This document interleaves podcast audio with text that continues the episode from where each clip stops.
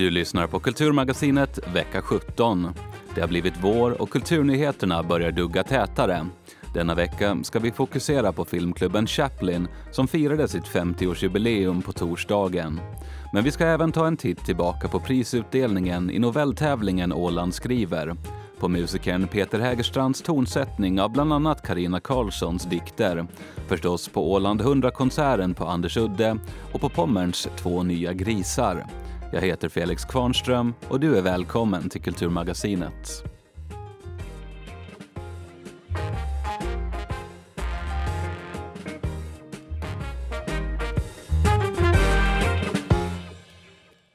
I lördags var det äntligen dags för prisutdelningen i novelltävlingen Åland skriver som ordnats i samband med 100-årsjubileet.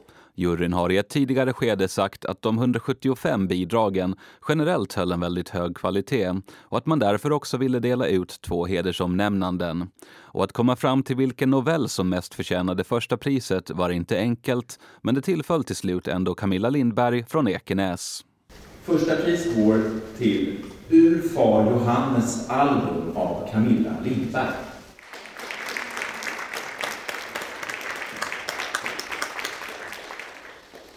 Tack så väldigt mycket. Det är en väldigt rolig dag för mig det här personligen.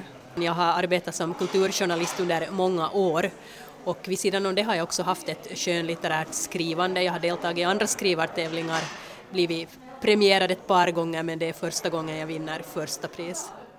Och vilket pris sen, eh, förutom, förutom det här diplomet, förutom pengasumman, så fick du även det här priset som, som är en skrivkurs egentligen, en kurs att skriva en roman. Hur, hur känns det? Det var ju en stor överraskning för mig. Jag har ju sett det i meddelanden som har, har gått ut att det var någon person som skulle få det här. Eh, så jag satt eh, sådär, inte lyssnade väldigt koncentrerat där för jag tänkte det här går ju till någon annan. Och så nämnde de mitt namn och jag satt där och tänkte för jag visste det att oj, det här skulle vara jättespännande, det här skulle vara otroligt roligt att få vara med där.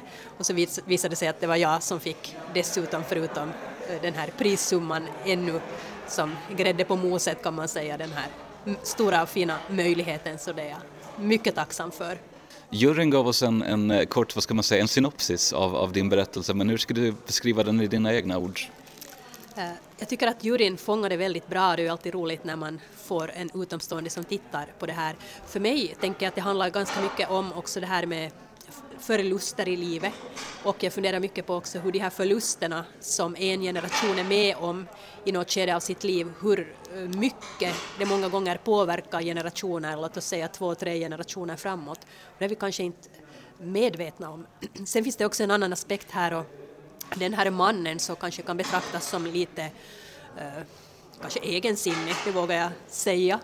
Och jag har också funderat mycket på de här gestalterna som finns omkring oss. Eh, ni vet den här sura kärringen eller eh, sura gubben eller så som finns. Och, att man lätt sätter ett slags eh, epitet på personer i små samhällen och man kanske aldrig går under ytan och funderar på att vad är det för en människa som egentligen gömmer sig bakom den här roll, rollen som vi ofta tilldelar våra medmänniskor. Och det här med far Johannes var ett sätt också att gå bakom och titta att vem är den här människan bakom den här, ska vi säga, fasaden. En jury bestående av Gustav Vidén, Daniel Sjölin och Julia Tidigs har läst och bedömt de 175 bidrag som skickades in till tävlingen. Enligt Daniel Sjölin var det han uppskattade mest att de bidrag som skickats in varit så brokiga, att de kommit från olika ställen och att de verkar ha skrivits av helt vanliga ålänningar. Jo, men det är en sak som är att det känns, känns, det känns liksom nästan lite intimt för att jag tror, jag tror att en, sån här liksom en, en motsvarande tävling i Sverige skulle liksom inte lyckas på det här viset att um, nå ut till lika många. Utan då skulle liksom mest de, liksom, alla unga människor med litterära ambitioner skulle höra av sig och skriva kanske på sin.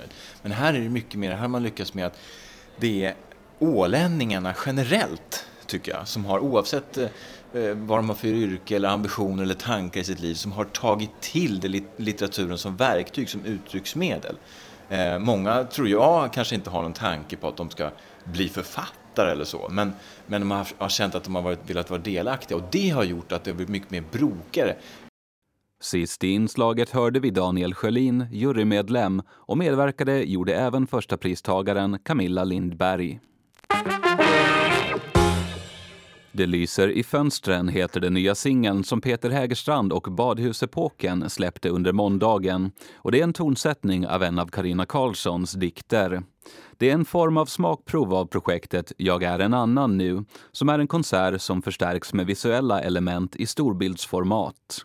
Konserten har premiär på Alandica den 20 maj och Peter Hägerstrand berättar hur det kom sig att han fastnade för textraden Det lyser i fönstren. Det, det är en, en, känsla av helighet i, i hela, hela den här dikten. Eh, förstås kan man ta det konkret att det handlar om ett, ett nyfött barn och, och den här, det, det, är allt som uppfyller en med den känslan. Men det är också någonting annat, att man, man är liksom en, en, en del av någonting större.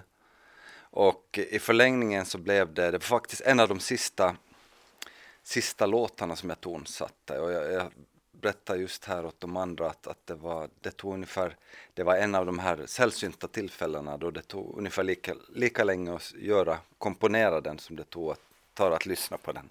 Så det gick väldigt lätt och de, de blir ofta kära barn, de, de musikstyckena som inte kräver så mycket.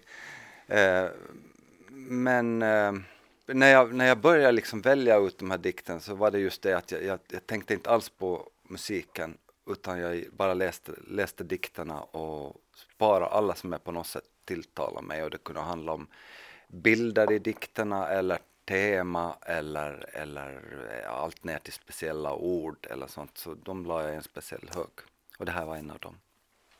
Ja, för det som kommer ske på Alandica den 20 maj det är att du har djupdykt i den åländska dikthistorien. Varför valde du att göra det? Eh, och det går tillbaks till till Kulturnatten för tre år sedan tror jag så blev jag ombedd av Lars Midbjer på bibliotek.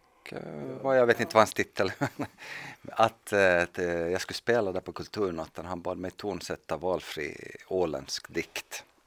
Och jag, jag måste erkänna att jag är ingen stor kännare av, av åländsk dikt. Lite Karina kände jag förstås till och har läst och, och, och en del andra. Men att eh, det var, det var liksom någonting nytt för mig så jag började läsa igenom den här Landika-hyllan där. Och det, den gången föll valet faktiskt på Karinas dikt som vi i bandet kallar Ön men som jag inte tror att har någon egentlig titel som är från en diktsamling som heter Blott avlägset nära. Men det var en så trevlig erfarenhet det där så att när det var dags för märkesåret Åland 100 så blev jag tillfrågad ifall jag hade några idéer ifall jag, vad man kunde göra så föreslog jag, drog jag fram en sån här att jag skulle kunna välja ut ett antal dikter och skapa en musikalisk helhet utifrån, utifrån dem. Därav namnet Jag är en annan nu, det vill säga de har varit dikter. Nu är de någonting annat. Men det är ju naturligtvis också en rad ur Karinas dikt Det lyser i fönstret. Hon andas ett namn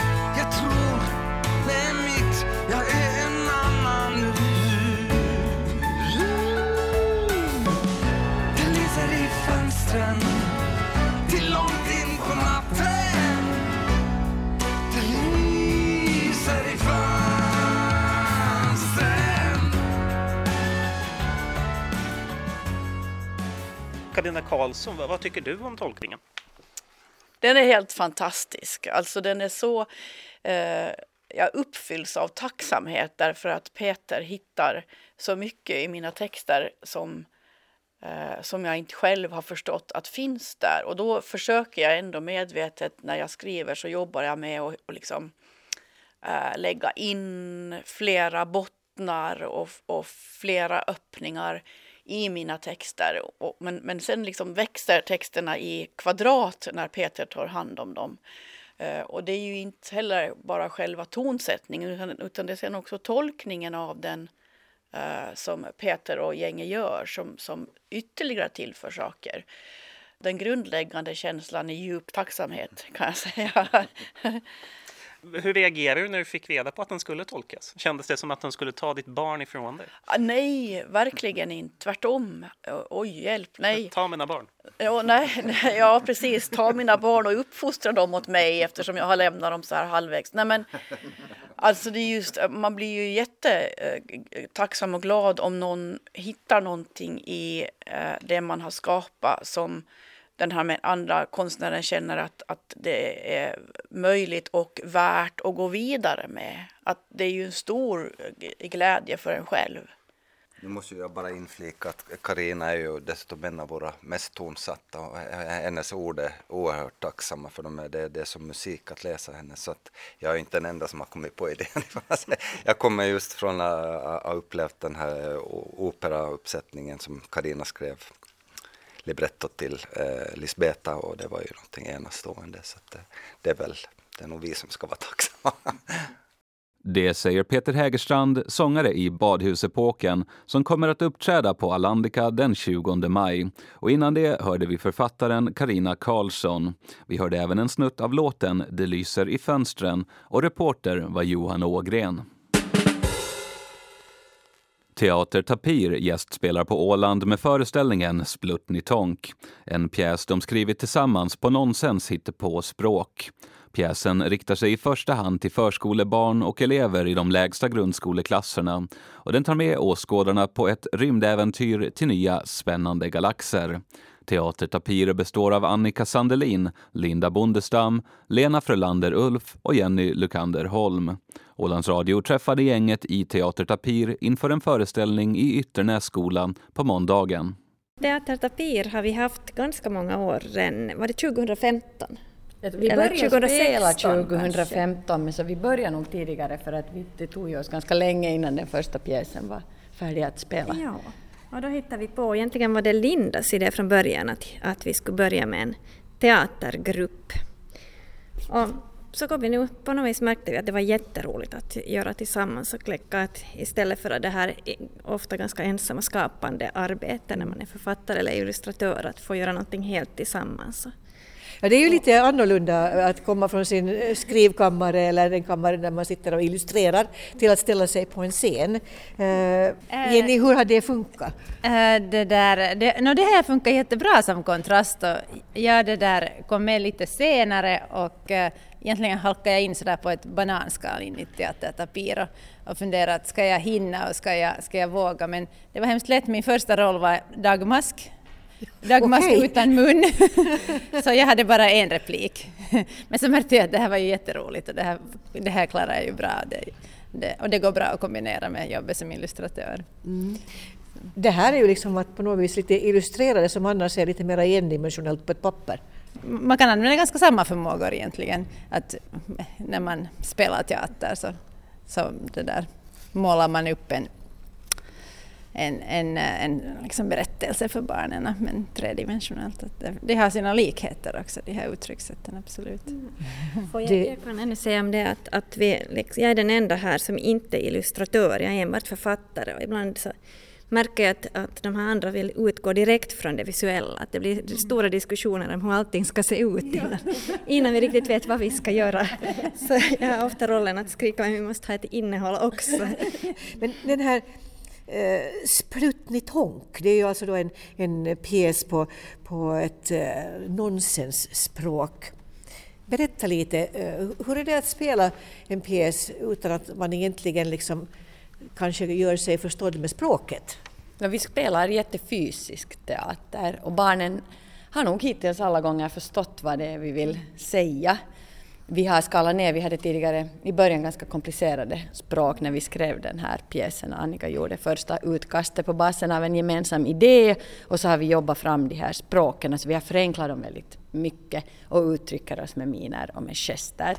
Så det, vi blir nog förstådda mm. och det är poängen med pjäsen, att man kan göra sig förstådd Mm. Det är ju spännande också i det här sammanhanget nu, eh, nu, nu kommer de här åländska barnen och sen så, så, finns det planerat här att även spela för de här ukrainska familjerna. Och där finns det inget gemensamt språk, så här blir ju det här nonsensspråket lite speciellt kanske. Ja, och där vill vi poängtera att det är liksom alla flyktingfamiljer som är inbjudna. Det är ju förstås aktuellt med de ukrainska flyktingarna men, mm.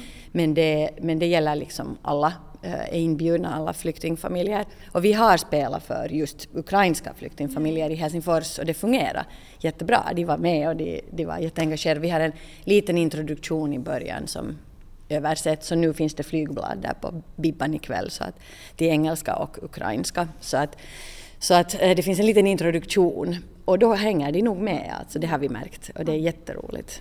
Teater Tapir består av Annika Sandelin, Linda Bondestam, Lena Frölander Ulf och Jenny Lekander Holm och intervjuades av Ann-Kristin Karlsson.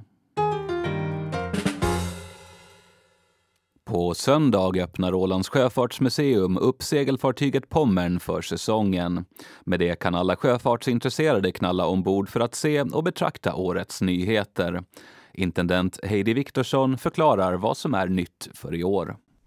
Det har flyttat in två grisar här hos oss faktiskt på Pommern. Det, det är ju så att man, man hade ju också då när Pommern var aktiv och seglade till Australien så, så hade man också med sig levande djur i form av av ofta två grisar då vi har ju en grisbur som alltid har stått här i, i fören på Pommern.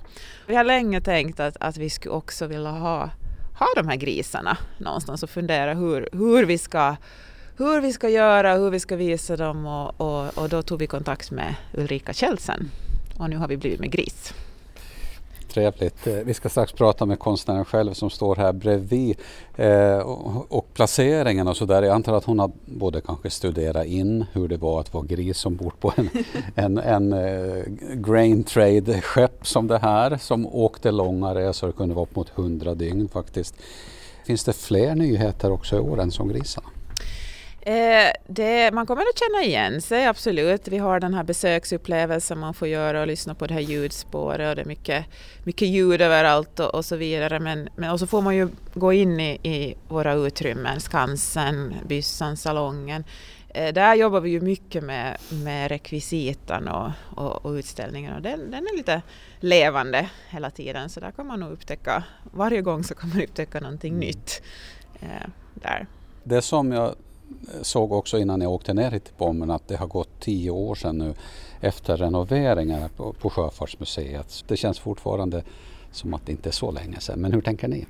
Ja, men precis så, så känns det ju för oss också. Vi, vi pratar ju fortfarande om, om nya delen av, av museet och så här. Men det är sant att det, det är tio år. Och, och eh, men det, det har varit åren har gått fort och det har, det har hänt mycket och vi, vi, vi jobbar ju lite på med förnyelser också i, i själva huvudutställningen och, och så här och kommer att göra det de, de kommande åren. Så att vi börjar lite revidera och, och se hur vi, hur vi mm. presenterar. Har man inte varit här på tio år nu så, så är det, så är det, dags, dags att ta sig hit kan jag säga. Precis, och om inte annat ska man ju göra det för att träffa eh, grisarna då som står här på fördäck egentligen. Eh, Ulrika Kjellsen, du har jobbat klart, grisarna är placerade nu, hur känns det? Det känns, det känns riktigt bra att de har fått mm. komma hem. Det är alltid skönt att avsluta, avsluta projekt. Och de verkar vara riktigt lyckliga här och nöjda med sitt nya hem. Mm, men de är inte tillsammans? De är inte, nej de är inte placerade bredvid varandra men de har, så jag har utgått lite grann beroende på var de är placerade lite vad de gör. Att den grisen vi står bredvid just nu, det är ungefär när man Eh, börjar hela den här eh, rundvandringen och på däck så är det en gris som är lite så här välkomnande och nyfiken på vad det nu är för folk som kommer och på, på besök till, till, till båten. Sist hörde vi konstnären Ulrika Kjeldsen och museet låter hälsa att om man har föremål hemma från segelsjöfartsepoken som man kan tänka sig att donera är man välkommen att höra av sig. Reporter för inslaget var Kjell Brännström. Lagtinget presenterade i veckan sitt program för Åland 100-firandet som man vill uppmärksamma genom att bjuda in till en konsert på Andersudde den 9 juni. På den här konserten kommer en rad åländska sångsolister och musiker att uppträda. Vi hör arrangören PJ Jägerhult och två av artisterna, Tilda Westergård och Emilia Alm. Ja, talmannen Bert ringde faktiskt upp Anders och Rita Wiklöf och frågade om de kunde ställa Anders Udd till förfogande för den här konserten. Eftersom det är en arena där som rymmer mer än 2000 personer och skulle passa utomordentligt väl för en stor jubileumskonsert. Och eh, utan tvekan tror jag Anders och Rita svarade ja faktiskt. Så att vi bygger en scen på tennisbanan där och vi ställer ut stolar till en 2000 hövdad publik den 9 juni. Och var så att säga kom du in i bilden? När blev du kontaktad att hej, kan du komma och ordna en konsert? Eh, ja, det var nog i januari Och jag ser det ju som en, det är ett fantastiskt uppdrag. Det är en ren ära. Det är ett hedersuppdrag det här att få göra. Och eh, Therese Karlsson och Mikael Fagerholm har ju lyckats samla 14 artister från Åland som, som nu är spridda över hela världen men som kommer hit den 8 juni.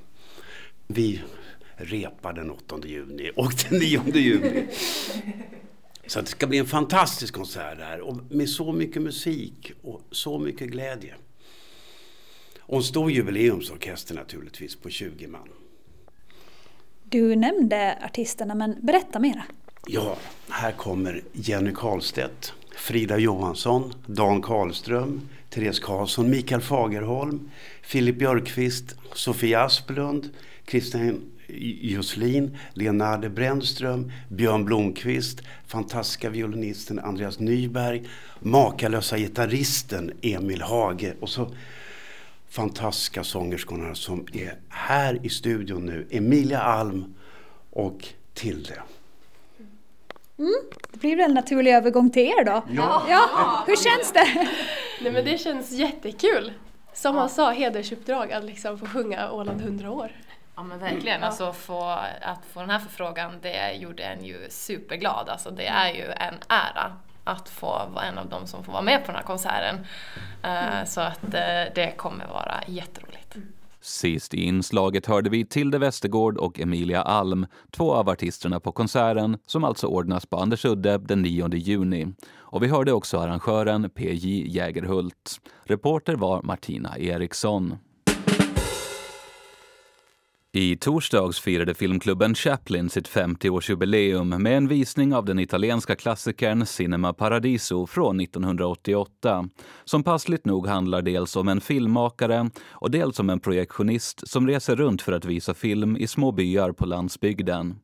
Lite tidigare på dagen satte jag mig ner med två av de personer som varit med ända från början och under många år för att höra hur klubben kom till och hur de 50 åren har sett ut.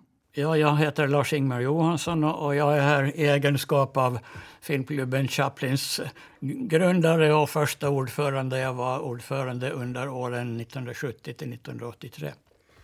Och jag heter Ben Johans och jag har jobbat med filmklubben från 1995 till kanske 2020. Nu har jag slutat. Men nästan 30 år har jag hållit på att vara aktiv. Anledningen till att ni båda sitter här så är ju att filmklubben Chaplin nu i veckan firar sitt 50-årsjubileum. Men jag märker att du sa 1970 och det får jag ihop till 52 år. Men vi har ju haft en pandemi här emellan. Och, Så, så den, alltså, eh, gru, filmklubben grundades på hösten 1970 och hade sin första vi, filmvisning den, om inte jag minns fel, den 4 oktober 1970. Eh, sen eh, tog det väl lite tid innan den formellt blev en registrerad förening och då gick det väl in på 71. Men man ska väl räkna, räkna jubileet från när verksamheten tog sin början. men så det blir 50, 50 verksamma år då, inte 50 år av existens totalt. Det blir mer än 50 verksamma år också. Jo. Hur kom det sig att den här filmklubben grundades? Hur gick det till? Ja, det har jag också lite funderat på. Jag har försökt rannsaka mitt minne. Alltså jag, jag kan inte påminna mig någon, en, någon enskild tidpunkt eller någon enskild person eh, när det här initiativet skulle ha kommit fram. Men, men eh, det fanns ett intresse bland man får väl säga bland, bland oss som var unga på den tiden, säg nu eh, personer i 25-årsåldern plus minus några år, eh, sådana som hade studera på andra håll, eh, varit vana vid ett större filmutbud på studieorter och, och, och andra orter. Eh, och de eh, tyckte kanske att det, det kunde vara trevligt då att, att eh, komplettera film, filmutbudet här med det som en filmklubb eh, kan stå för. Många hade, jag och säkert många andra hade varit medlemmar i filmklubbar också på, på studieorterna. Så det var väl den vägen det tog sin början. Och så höll man ett, eh, gick det ut en kallelse till ett första möte där man skulle mm, mäta intresset för, se om det fanns intresse för det här. Och vi var några som möttes på Blå Teatern i Mariehamn någon gång i månadsskiftet maj-juni och, och beslöt att nu ska vi se om inte vi kan få igång en filmklubb. Och det utsågs några personer som skulle göra lite, lite jobb och sen återkomma till saken. Du pratar om ett lite större utbud av filmer. Um, nu har ju Åland egentligen en ganska lång historia av, av um, film, att vi hade en biograf väldigt tidigt med tanke på hur, hur litet samhället faktiskt är. Min mormor brukar ibland berätta om hur hon som ung åkte häst och kärra till stan från Jölby för att Mm. och, och gå på bio. Um, men, men hur, um, vad kom det för filmer till Åland på, på 60-talet och, och innan ni grundades? Jag kan ju börja så får men eh, fortsätta. Eh, den, den här tiden kring 1970 så fanns det ju ännu två biografer i Mariehamn. Biorita som var den lite äldre som hade kommit till någon gång på 30-talet och Bio Savoy som, som invigdes eh, 1941. Bio, vad heter den här, Kinoteatern fanns ju tidigare men den hade inte då fungerat som biograf på, på jättelänge. Eh, det var i och för sig ett ganska stort utbud för att Eh, man bytte ju filmer flera gånger i veckan men de gick bara några få föreställningar. Eh, men man kan väl säga så här att, att det var ett, ett brett men inte särskilt djuplodande eh, utbud eller, eller repertoar. Det var väldigt mycket underhållningsfilmer och westernfilmer och musikfilmer och annat som var som drog mycket publik den tiden. Men de här lite mer konstnärligt eh, värdefulla filmerna, om man kan använda det uttrycket, de var, de var ganska få. Så där, vi som var intresserade att dra igång den här klubben, vi tyckte att där fanns det en, en lucka att fylla. Jo, jag äh, minns ju Åsa-Nisse-filmer och äh, olika agentfilmer. Lemmy Kärchen och allt vad de hette. Som ju drog mycket folk. Men, men jag säger som Lars-Ingmar att sen när man blev lite äldre så, så ville man ha mera så kallad kvalitetsfilm, som det heter. Mm. Så ni, eh, ni gav er in på att, att eh, ta in någonting annat än det som erbjöds här på, på biograferna. Ja, som Va- ett komplement eller ett alternativ. Vad var, de, eh, vad var den första filmen som, som filmklubben Chaplin visade? Nå, det var nu en riktig klassiker som alla, alla filmentusiaster har sett eller ska, ska se. Det var, det var den här Eisensteins, alltså den ryska regissören Eisensteins film Pansarkryssaren på Tjemkin. Och det var ju en, en gammal goding, den gjordes redan 1926. Men det var alltså öppningsfilmen på, eh, för, för Chaplin. Det skedde faktiskt, vi hade lite tur när vi satte igång för att eh, på hösten 1970, för Mariehamns stads kulturnämnd ordnade då vid den här, planerade vid den här tiden för en kulturvecka med program av olika slag. Och, och det råkade sig så bra att, eh, att vi fick då inleda Chaplin, den nygrundade filmklubben Chaplin fick då inleda den här kulturveckan med sin första filmvisning. Och det, var, det ingick i kulturveckans program så, och det var gratis. Så att det, var, det var mycket folk eh, där. Det var ingen dålig början. Nej, det är en stark, en stark öppning. Um, hur har det sett ut sen genom åren? Vad, vad har, mycket har ju hunnit hända förstås på 50 år, men, men eh, klubben finns kvar. Hur, hur har den förändrats sen, sen starten, skulle ni säga? Ja, den största förändringen så är ju när jag började 1995 cirka tror jag. Då fick filmklubbarna i Finland ta filmer från, vad hette det?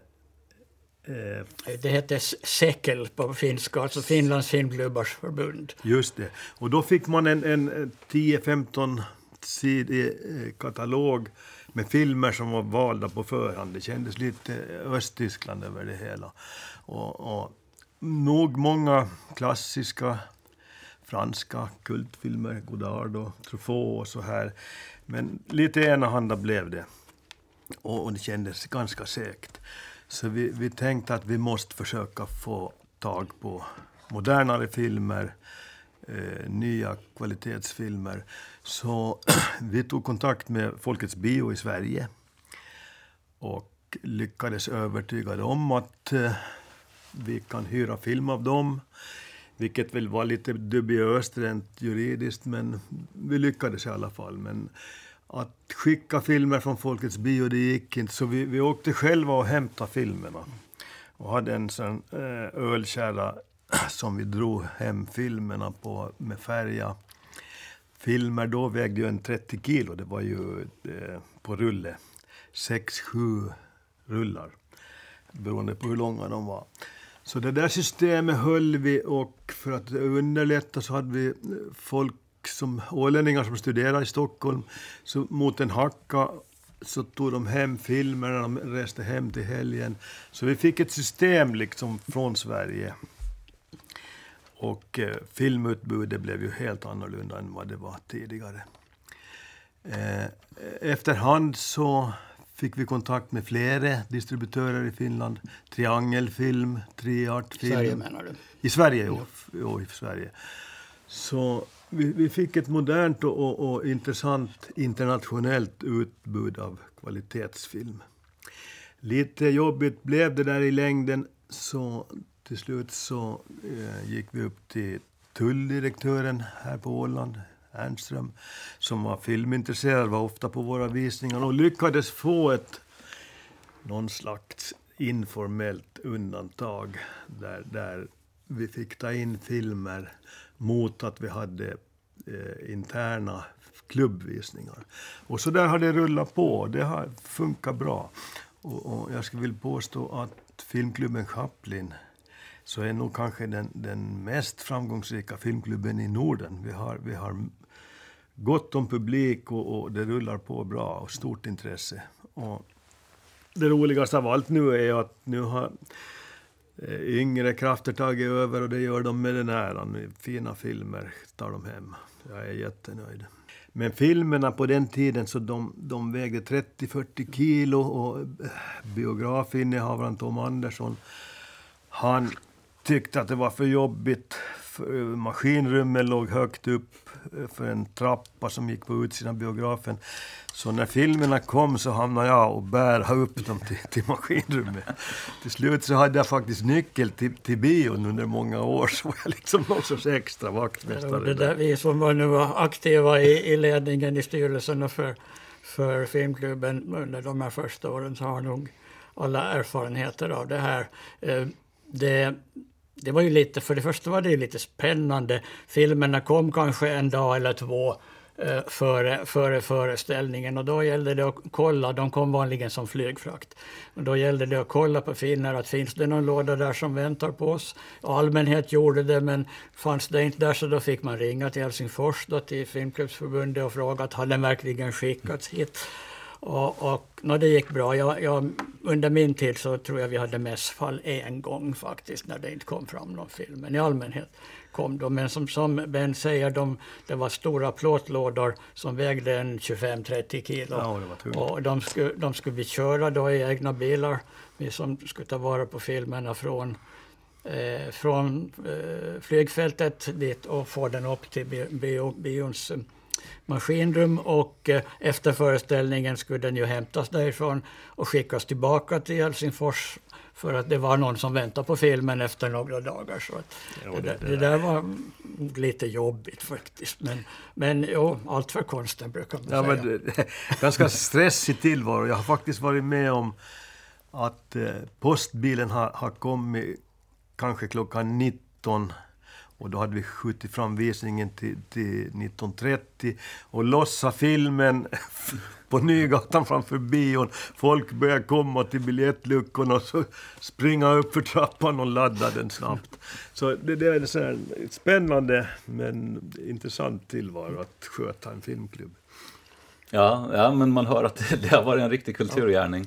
Har det alltid gått, eh, gått vägen då? Eller är det någon gång som någon av de här rullarna har försvunnit eller blivit, blivit skadad? Eller? Jag, jag tror att, att vi inte har missat en enda visning faktiskt. Ja, jag minns en gång från de 13 år, ja, de 13 första åren att det hände. Och, och, och det var nog också lite otur, för den gången hade filmen kommit med posten av någon orsak. Och posten hade delat ut ett paketkort och det var nog ställt på mig till min adress, men det hade hamnat hos min granne. Ja, och, grannen kom på måndagen. Filmen skulle, filmvisningen, vi hade dem på lördagarna på den tiden. På måndagen kom grannen till mig med ett postkort och sa det här kanske skulle vara till dig. Nåja, den gången fick vi ställa in Ja. mig. Jag minns inte heller andra gånger. Det här är ju så länge sedan så att eh, man e-postade inte, det fanns inte mail när jag började med det utan jag skaffade en faxapparat. Så det, när jag kom på morgonen till, till, till mitt lilla kontor så kunde det vara två, tre meter fax som låg utåt golvet liksom med film. Angelägenheter. Och eh, det här hämtandet, jag har kört många gånger i Gamla stan. Eh, Folkets bio låg på Stora Nygatan och krånglade med, i gränderna där för att få hem den där filmen. Men man kände någon sorts passion kring det här jag tyckte det var jäkligt intressant.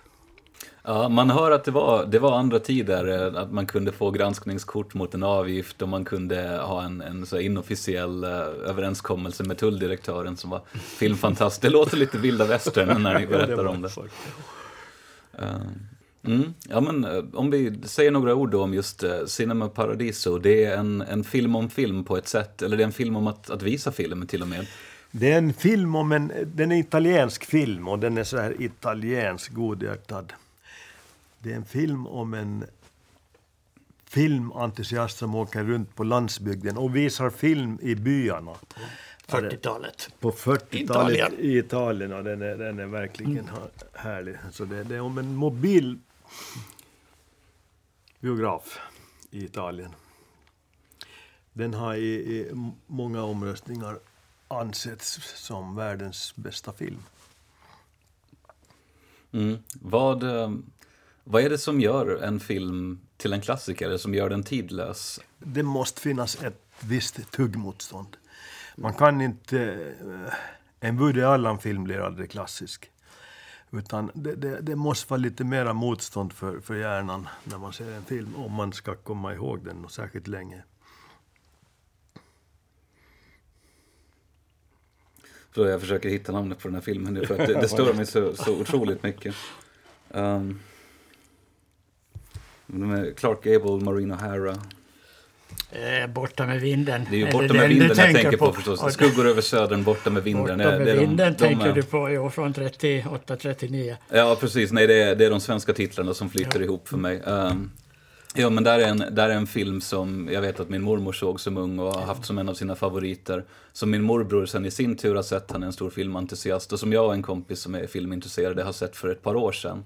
Den kommer tillbaka alltid, också på biografer, men nu finns det ju andra former att hy- hyra och se filmer dessutom. Men, men, eh, och, och tv visar ju väldigt mycket filmer, men, men de här riktiga klassikerna återkommer ju på biograferna emellanåt också. Det finns ju Kieslowski har vi väl Mm. visat samtliga tror jag på filmklubben. Hemma har jag dem, jag har sett dem tio gånger säkert. Tycker jag är helt uh, Blå, underbara. vita och röda filmen, den, du- de du tänker på. Ja, blåfilmen tycker jag bäst Jo. om.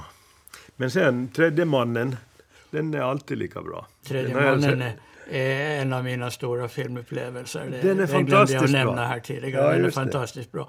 Nej, men om, om vi pratar lite mer om, om 50-årsjubileum, nu var det ungefär ett 50-årsjubileum, eh, men ni börjar alltså med en, en visning nu av Cinema Paradiso. Händer det någonting mer under det här jubileumsåret? Ingen av Ja, oss nu, är nu, väl nu med är där. vi två här som inte längre är aktiva i filmklubben. Så vad som händer... Annat än som medlemmar. Annat än som medlemmar, ja. Jag har, jag har liksom stigit åt sidan här för ett år sedan och jag är inte alls med. Jag tycker de sköter sig jättebra. De, jag tror att vi får 20 goda år till i filmklubben. För de är unga och, och verkar till vara gripna av film de också. De kommer säkert att hålla ut i 20 år till. De som är filmintresserade, det finns säkert ganska många sådana, så brukar ju säga att film är bäst på bio.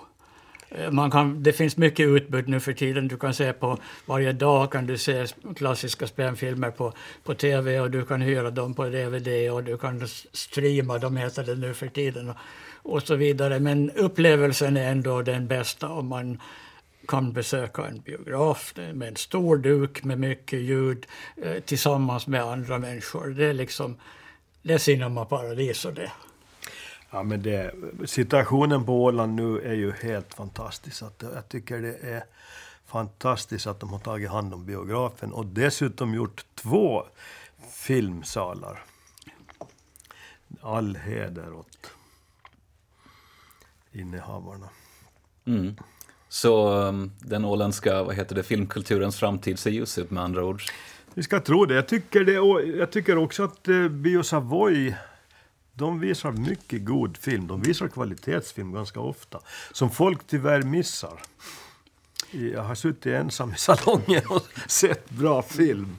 Den här nya tekniken gör det ju uppenbarligen lite lättare. Med, Mycket. Med, eh, jämfört med det som vi har berättat om de här gamla tunga filmlådorna som skulle transporteras hit fram och tillbaka. Jag vet inte riktigt hur det går till idag. Om det är en DVD-skiva eller ett USB-minne eller var det nu Nej, finns. det kommer en länk en, på e-posten. Så det är inget, inte ens ett fysiskt Nej. föremål Nej. så att säga. Ja, på filmfestivalen så kommer det hårddiskar men, ja. men de här månads... Nej, de här biograffilmerna kommer nog som en länk då bara. Det ger ju möjlighet att, att göra som man har gjort, att kunna visa flera filmer parallellt och de kan gå lite längre ja. under en lite längre period jämfört med det som vi berättade om här i början när, när, när de biografer som fanns, de bytte repertoar tre gånger i veckan samma, samma dag som Ålandstidningen kom ut. Den kom också ut tre dagar i veckan. Och då var det en ny, en ny annons i varje nummer av Ålandstidningen att de följande två dagarna visas den och den filmen. Just det. Hur, hur hade era tidiga år sett ut om det var, om det var lika enkelt då att, att man klickar på en länk och har en ny film? Ja, det, det är svårt att föreställa sig. Ja, men det hade, det hade sin charm det där. Och spänningen med, med, med om, om, filmen skulle komma eller inte komma. Ja, det, jag tycker det var ett givande år att ha varit aktiv i filmklubben. Jätteintressant. Ja, det brukar, brukar jag säga också. Om det är någonting jag ska vara nöjd med i mitt liv, jag är ju ganska gammal vid det här laget, 77 år, Eh, så, så tycker jag att jag, att jag orkar, orkar och ville ställa mina krafter till förfogande och, och hjälpa till att dra igång den här filmklubben då 1970 och så, så till att den fick, fick en bra början och, och har kunnat fortsätta existera ända tills idag. I inslaget hörde vi Lars-Ingmar Johansson och Ben Johans. Till sist ska vi ta en titt framåt på de kulturevenemang som finns i den snara framtiden. På lördag kväll klockan 18 sjunger Mariehamnskvartetten in våren på torget och samtidigt tänds en majbrasa vid Cederstranden. En timme senare tänds ännu en majbrasa vid Notudden. Den första maj klockan 12 öppnar Bollstaholms gård och klockan 14 sker det årliga kosläppet. Det finns även olika försäljare på plats. I Mariehamn öppnar Lions Clubs första majmarknad klockan 11 och varar till klockan 15 efter att i två år haft uppehåll på grund av pandemin. På tisdag den 3 maj uppträder Lill Lindfors med konserten Tillsammans är ett sätt att finnas till på Alandica. Insläppet öppnar klockan 19 och samma kväll kan du se alt country-artisten Chadwick Wind från bandet Quiet Hollers på Pubettan med start klockan 21. På galleriet Konst och sånt har utställningen Petrialinens teckningar och målningar vernissage och galleriet håller öppet 11 17. I Ekerö post och tullhus visas utställningen Metall, konsthantverk och design i ädla och oädla metaller. Och i Galleri Skarpans har utställningen Paradis, målningar av Danell Bergström vernissage på lördagen den 7. Samma dag håller Emmaus en returkarneval och återbruksfest vid sina lokaler i Norrbölen mellan 10 och 15.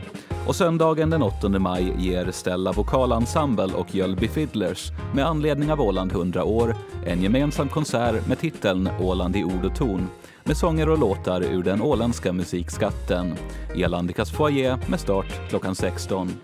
Och det var allt för Kulturmagasinet vecka 17. Jag som har varit din producent heter Felix Kvarnström och jag tackar för mig och för att du har lyssnat.